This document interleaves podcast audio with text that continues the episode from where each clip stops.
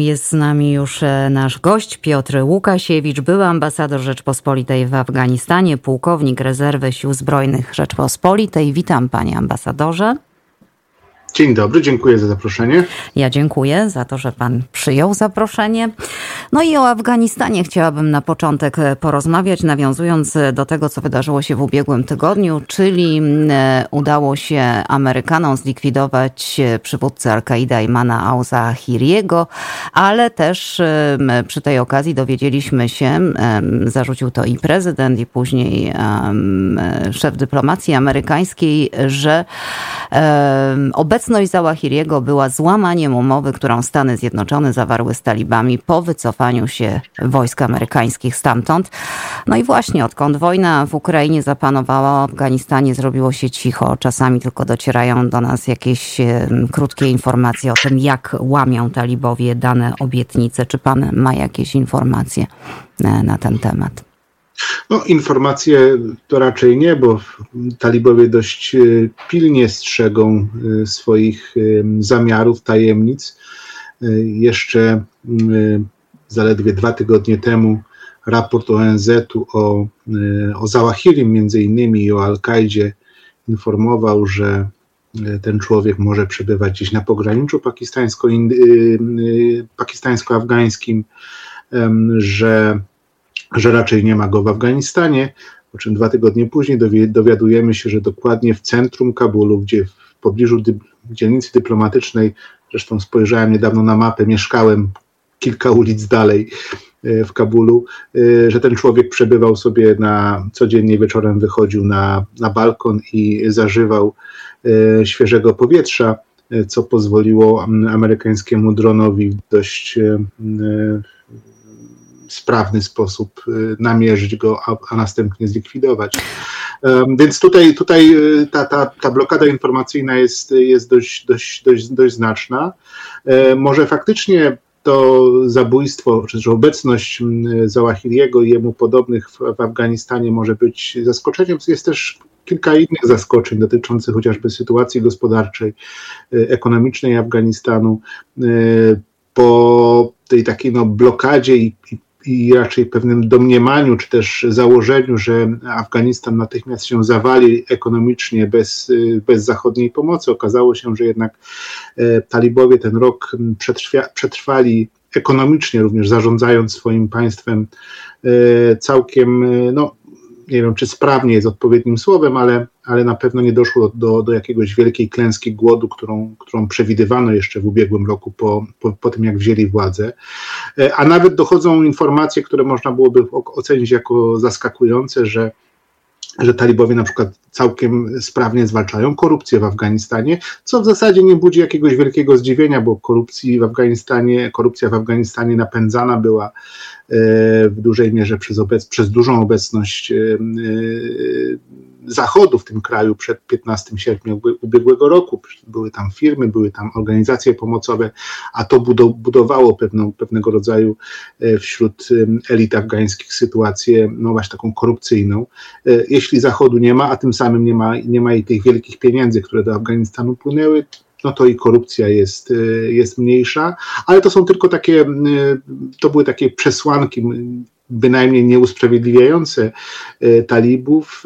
Niemniej jednak dla, dla pełnego obrazu warto byłoby, warto również o nich, o nich przypominać. Natomiast z pewnością obecność al-Zawahiriego, czyli takiego głównego ideologa, współtwórcy Al-Kaidy, właśnie w samym centrum Kabulu, była no, nie wiem, czy złamaniem y, przyrzeczenia, bo też to przyrzeczenie po obu stronach i zachodniej, i amerykańskiej, i afgańskiej nie było takie jakieś materialne, nie było tam te, te, te, te założenia po obu stronach, że tak powiem, porozumienia, które doprowadziło do wycofania wojsk amerykańskich, to nie było nigdy nic, nie miały formy jakiegoś traktatu. No niemniej jednak y, spodziewano się, że przynajmniej tego założenia że talibowie nie dopuszczą Al-Kaidy do jakiegoś widocznej przynajmniej obecności w Afganistanie. Talibowie nie spełnili, ale znowuż e, oczekiwania wobec nich nie powinny być zbyt, zbyt wygórowane. No właśnie, też pojawiały się doniesienia takie gdzieś po drodze od, od czasu, kiedy, kiedy talibowie zapanowali nad Afganistanem, o tym jak łamią obietnice dane kobietom. Wiemy już, też były protesty w telewizji afgańskiej, prawda, mężczyzn. Wiemy o tym, że, że kobiety, no co tu dużo mówić, no, no, no nie mają się w tej chwili e, najlepiej. Musiały zrezygnować ze swoich aktywności, e, ale też na ten temat chyba wiele nie wiemy tak naprawdę. Mówi pan, że strzegą pilnie swoich tajemnic, więc chyba w tym obszarze informacje na temat y, edukacji, na temat praw człowieka, praw kobiet, one są dość takie powiedziałbym anegdotyczne w tym sensie, że y, dziennikarze przedstawiają różne raporty z, z tego, o tej sytuacji. Y, w szkolnictwie podstawowym dziewczynki zdaje się, przynajmniej w większych miastach wciąż chodzą do szkół. No, ta edukacja wyższa jest niedozwolona przez talibów. Natomiast no, to jest też równo, można to równoważyć w jakiś sposób no jednak brakiem, zakończeniem wojny domowej, która była najbardziej dotkliwym problemem Afganistanu przez ostatnie 20, a może nawet i dłużej, kilkadziesiąt lat. E, to się skończyło z momentem, kiedy e, Amerykanie, koalicja zachodnia się wycofała. Faktycznie to, co budzi e, tak powiem, no, no nawet obrzydzeniem, można powiedzieć, po zachodniej stronie, czyli traktowanie kobiet, traktowanie praw człowieka, no, do, do nas bardzo mocno, bardzo silnie przemawia, ale no znowuż mówię, warto też popatrzeć na szerszy obraz, że jednak wojna dla Afgańczyków w jakiś sposób y, się 15 sierpnia skończyła. E, no, ludzie przestali ginąć, przynajmniej na taką skalę, na jaką e, ginęli żołnierze, talibowie, ludność cywilna, Afgańczycy przed 15 sierpnia. To jest jakiś, e, jakieś uspokojenie. Nie mówię, że to jest, że to jest nie pochwalam tutaj, oczywiście mm -hmm. nie przypisuję talibom żadnej tutaj zasługi, natomiast jest to, jest to, pewno, jest to uznanie pewnego rea, pewnych realiów w Afganistanie trwających tam od roku. Kończąc ten wątek afgański, chciałabym jeszcze pana zapytać jako wojskowego o sam sposób dokonania tego zamachu mm, e, e, na terrorystę, no bo tak jak pan powiedział, samo centrum Kabulu mamy wokół domy mieszkalne. Mało tego, w tym domu samym, w którym mieszka e, Awahiri jest jego rodzina i prezydent Biden, przynajmniej tak mówiły u nas doniesienia mediów, śledził, bo ta akcja oczywiście była przygotowywana od miesięcy, śledził bardzo, był informowany o każdym postępie i bardzo zależało mu na tym, aby nie było dodatkowych ofiar. No i to się udaje. Taka precyzja, takie sprzęty mamy już w dzisiejszych czasach. Co pan na ten temat sądzi? Bo to taka ogromna. No, to... To było, to było rzeczywiście, może, może sama technika może jest dość tajemnicza, pozostaje, czy to, był, czy to była rakieta z takimi wirującymi ostrzami, jakkolwiek hmm. filmowo to nie brzmi E, niektórzy określają tą rakietę R9X Hellfire jako rakietę Ninja, czyli z taką właśnie sześć rozkładanych ostrzy, które likwiduje określonego delikwenta, nie powodując wybuchu. Zresztą te zdjęcia z miejsca zamachu na Zawahiriego pokazują, że nie było tam ognia, nie było wybuchu, więc raczej można powiedzieć, że było to jakieś super precyzyjne urządzenie, e, mordercze urządzenie zastosowane przez Amerykanów w tym przypadku. E, natomiast warto to skonfrontować z było to drugie w historii bodajże użycie drona nad miastem przez, przez Stany Zjednoczone, bo pierwszym takim użyciem to było również w Kabulu dokładnie rok temu, e, kiedy, kiedy Amerykanie e, po zamachu na żołnierzy amerykańskich i na cywilów, cywilów afgańskich stojących przed, w kolejce przed bramą lotniska 15 sierpnia E, po, e, kiedy się ewakuowali Afgańczycy, tam doszło do takiego olbrzymiego zamachu, zginęło 200 osób, w tym 13 żołnierzy amerykańskich. Wówczas Amerykanie zdecydowali się na no, pierwszy raz w historii na uderzenie właśnie dronem, tylko z tym, że rakietą wyposażoną w ładunek wybuchowy, również w centrum Kabulu, gdzie w dom, który podejrzewali Amerykanie, o, znaczy służby podejrzewały o to, że jest tam, mieści się tam jakaś komórka terrorystyczna. Okazało się później na skutek między innymi śledztwa New York Timesa, że byli to e, niewinni ludzie, że była to po prostu pomyłka. E, więc, więc te środki ostrożności podjęte tydzień temu w przypadku Załahiriego musiały być dodatkowe i stąd, i stąd ta, ta precyzja tego strzału, ale też mówię taka dość filmowa forma, w jakiej, w jakiej Załahiri został zdjęty z balkonu. Prawda? Zginął z Załahiri i, i zniknął balkon i to tyle. E, tak. Przynajmniej tak wynika z doniesień. Panie ambasadorze, panie pułkowniku, e, przeniesiemy się teraz, jeśli pan pozwoli, na Tajwan. Dzisiaj e, doniesienia mamy takie z Reutersa, że chińskie okręty próbowały wepchnąć się, jak podano, do nieoficjalnej strefy buforowej między Chinami a Tajwanem. Wiemy, że jak gościła tam w ubiegłym tygodniu Nancy Pelosi, E, no to było prężenie mózgu, groźby. E, co możemy o tym, o, o, o tym miejscu, o tym konflikcie powiedzieć? Na ile to jest niebezpieczne?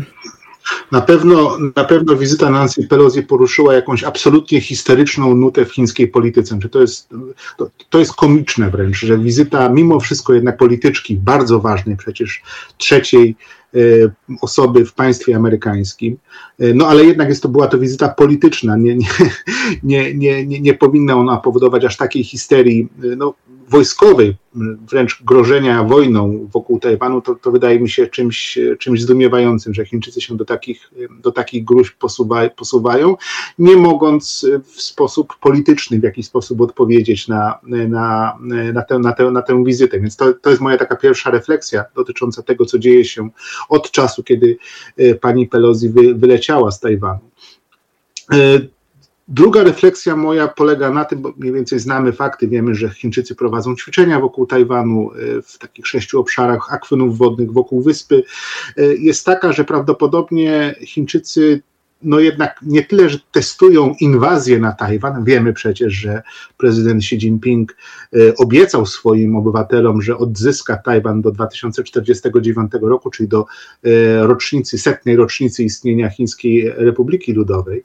E, ale raczej ewidentnie dość widać, widać że Chińczycy raczej nie testują, czy też nie ćwiczą inwazji, bo, bo ta inwazja by się po prostu im nie powiodła, zarówno ze względu na, na siły zbrojne tajwańskie, jak i na e, obecność e, dość istotną wojskową e, Stanów Zjednoczonych w tym, w tym, w tym akwenie, co raczej próbują testować w jakąś formę blokady morskiej, blokady ekonomicznej, nawet za cenę no, istotnego kryzysu ekonomicznego, gospodarczego własnej gospodarki, która taką, którą, która taką blokadę by, którą, którą, którą taka blokada by również wywołała, bo przecież wiemy, że 40% rynku chińskiego półprzewodników, czyli tych chipów, e, pochodzi, pochodzi z Tajwanu, więc to byłaby bardzo ostra e, i mająca duże konsekwencje ekonomiczne, e, że tak powiem, wojna handlowa. No w każdym razie prawdopodobnie Chińczycy w tym kierunku idą, żeby właśnie, znaczy przypadku, kiedy doszłoby do jakichś tego typu y, wizyt czy, czy aktów politycznych, które oni odbiega, odbierają jako prowokacyjne, żeby właśnie reagować blokadą morską, blokadą, y, blokadą y, no, szlaków handlowych wokół, wokół Tajwanu i tym samym próbować Tajwan rzucić na, na kolana. Czy im się to uda, no to już jest jakby trochę ustawienie sytuacji nieco inaczej niż sobie wyobrażaliśmy, bo wyobrażaliśmy sobie do tej pory, że to będzie właśnie inwazja chińska na Tajwan, gdzie świat może przyjść Tajwanowi z pomocą, Ameryka przede wszystkim, e, i bronić się przed, e, przed, przed, przed chińskim zagrożeniem. W sytuacji takich planów, jak mówię, domniemuję, że takie plany chińskie są odwrotne, zmuszałoby to Amerykanów i Tajwańczyków do przełamywania tej blokady, a więc do bycia pewną stroną aktywną. No i to, to nieco inaczej już by wyglądało taka, taka, taka konfrontacja wokół, e, wokół tej niewątpliwie przecież ważnej, ważnej wyspy sytuacja jest tutaj dość, znaczy o tyle prosta, czy prosta do opowiedzenia, że, że Amerykanie muszą, muszą Tajwanu bronić. Nie, tylko chodzi tutaj o ich obecność, o obecność Stanów Zjednoczonych w tym akwenie, ale to jest cały kompleks interesów Stanów Zjednoczonych na Indo-Pacyfiku bo i przecież w tle jest Japonia e, i obecność wojsk amerykańskich w Japonii e, i cała Azja Południowo-Wschodnia, która przecież zależy od tego e, w dużej mierze od współpracy ze Stanami Zjednoczonymi i od tej sieci koalicji, która budowana jest wokół Stanów Zjednoczonych z Australią, z Indiami, z Japonią, Koreą Południową przecież tutaj wchodzi problem Kim Jong-una i, i reżimu północno-koreańskiego. Więc tutaj znaczy, proste w tym wszystkim jest jedno, że Amerykanie broniąc Tajwanu, bronią jednocześnie całej swojej takiej powiedzmy globalnej pozycji na tym, na tym przecież super ważnym, w tym super ważnym regionie świata. No właśnie, jeden konflikt już jest, gdzie Amerykanie też są mocno zaangażowani. Na zakończenie naszej rozmowy chciałabym pana poprosić o komentarz do tego, co dzieje się w Ukrainie. 167 dzień wojny. Wczoraj nowy pakiet pomocy wojskowej wartości miliarda dolarów i tu znów chciałabym się odwołać do pańskiego doświadczenia jako e, e, wojskowego. E, czy ta pomoc Zachodu, Ameryki szczególnie, ale też całego Zachodu rzeczywiście jest wystarczająca i czy pan widzi gdzieś na horyzoncie koniec tej wojny w Ukrainie? Przede wszystkim to trzeba powiedzieć, że ta pomoc jest bardzo dobrze przez Ukraińców wykorzystywana. To, to, to przede wszystkim codziennie Ukraińcy wykorzystują i pomoc finansową, taką cywilną, ale przede wszystkim tę wojskową, dostarczaną do nich e, przez Amerykanów, przez Brytyjczyków, przez Polaków, e, w, w, bodajże w największym stopniu przez, e, przez właśnie państwa tutaj Europy Centralnej, do, do Ukrainy. Wykorzystują to Ukraińcy bardzo dobrze. Znaczy, po pierwsze, obronili swoją państwowość, obronili swoją suwerenność, a teraz no, nawet myślą, czy też mówią o, o stopniowym odbijaniu terenu, zwłaszcza z południa e, kraju, z obwodu hersońskiego i zaporowskiego być może, i, i wypychaniu Rosjan z tych zdobytych przecież w marcu jeszcze, jeszcze, jeszcze terenów. Więc na, na pewno przede wszystkim jest, ta, jest to pomoc niezwykle przydatna, niezwykle ważna ważna, ale przede wszystkim dobrze efektywna w tym sensie, że Ukraińcy dobrze ją, dobrze ją wykorzystują. E, I no, Wiele mówi się, wiele Ukraińców, jak powiedziałem, mówią o możliwej jakiejś wielkiej ofensywie. Ja raczej uważam, że mimo wszystko jednak nie stać ich na, na wielką ofensywę przeciwko Rosjanom. Raczej będzie to polegało, te działania ukraińskie będą polegały na takim wykruszaniu zdolności rosyjskich, które, którzy Rosjanie muszą przerzucać e, swoje, swój sprzęt i, i ludzi z miejsca na miejsce. Słyszymy, że teraz w oczekiwaniu właśnie na działania ukraińskie przerzucają z Donbasu swoje siły, rekrutują dodatkowych jakieś dodatkowo, dodatkowe oddziały, które miałyby y, pomagać y, w, w utrzymaniu tych zdobytych, zdobytych ziem. Niemniej jednak, y, jak się wydaje, sytuacja Rosjan jest tutaj raczej niekorzystna, w tym sensie, że że, że, że, że, wydaje się przynajmniej z takiego wojskowego punktu widzenia, że Ukraińcy posiadają jakąś inicjatywę, a to, to tego typu wojnie jest, jest, jest kluczowe. Mieć inicjatywę i próbować uderzać tam, gdzie przeciwnik jest słaby. E, I to Ukraińcy dzięki również, no przede wszystkim dzięki pomocy amerykańskiej i, i w ogóle zachodniej, sprzętowej, finansowej również mogą robić. Czy koniec tej wojny jest przewidywalny, czy to raczej pytanie do wróżki? Nie, można powiedzieć, że to, co będzie się działo na południu, czyli właśnie wokół, wokół Hersonia, w tych południowych częściach Ukrainy, jest takim ostatnim wysiłkiem, w tym roku przynajmniej, e, obu stron, że raczej nie będą one miały e, siły do tego, aby rozpętać jakąś e, aktywną fazę wojny w innych częściach Ukrainy, czy wokół, wokół Charkowa, wokół Kijowa, czy nawet, czy nawet w, Don, w Donbasie. Widać, że raczej tutaj polega to po stronie ukraińskiej na takiej manewrowej obronie e, i na, e, a po stronie rosyjskiej na takim łataniu dziur tam, gdzie Ukraińcy próbują, próbują uderzać, ale raczej nie zapowiada się na to, żeby jakaś nowa ofensywa po jednej czy po drugiej stronie dodatkowa ponad to, co się dzieje, była, była możliwa. Więc jesień przebe, prze, będzie przebiegała pod znakiem no właśnie takiego próby wykruszania przez Ukraińców rosyjskiej obrony i być może nawet odzyskania części zajętych terenów, jeśli oczywiście się to Ukraińcom będzie powodziło powodziło i będą dostawali dodatkowy sprzęt. Co się stanie zimą? No, zimą przeważnie e, działania wojenne gasną, to znamy z, z, historii i konfliktów na tym terenie rozgrywanych w historii, ale również z innych współczesnych konfliktów. Można spodziewać się jakiegoś ustania, ustania działań. Natomiast y, do, do wróżki faktycznie należałoby przewidywanie, co stanie się na wiosnę przyszłego, e, przyszłego roku. Tutaj jest zbyt dużo czynników, aby móc jakoś przewidzieć, że wiosną już wojna się zakończy, albo że wręcz przeciwnie rozgorzeje na nowo. Tutaj nie śmiem tego oceniać. Hmm.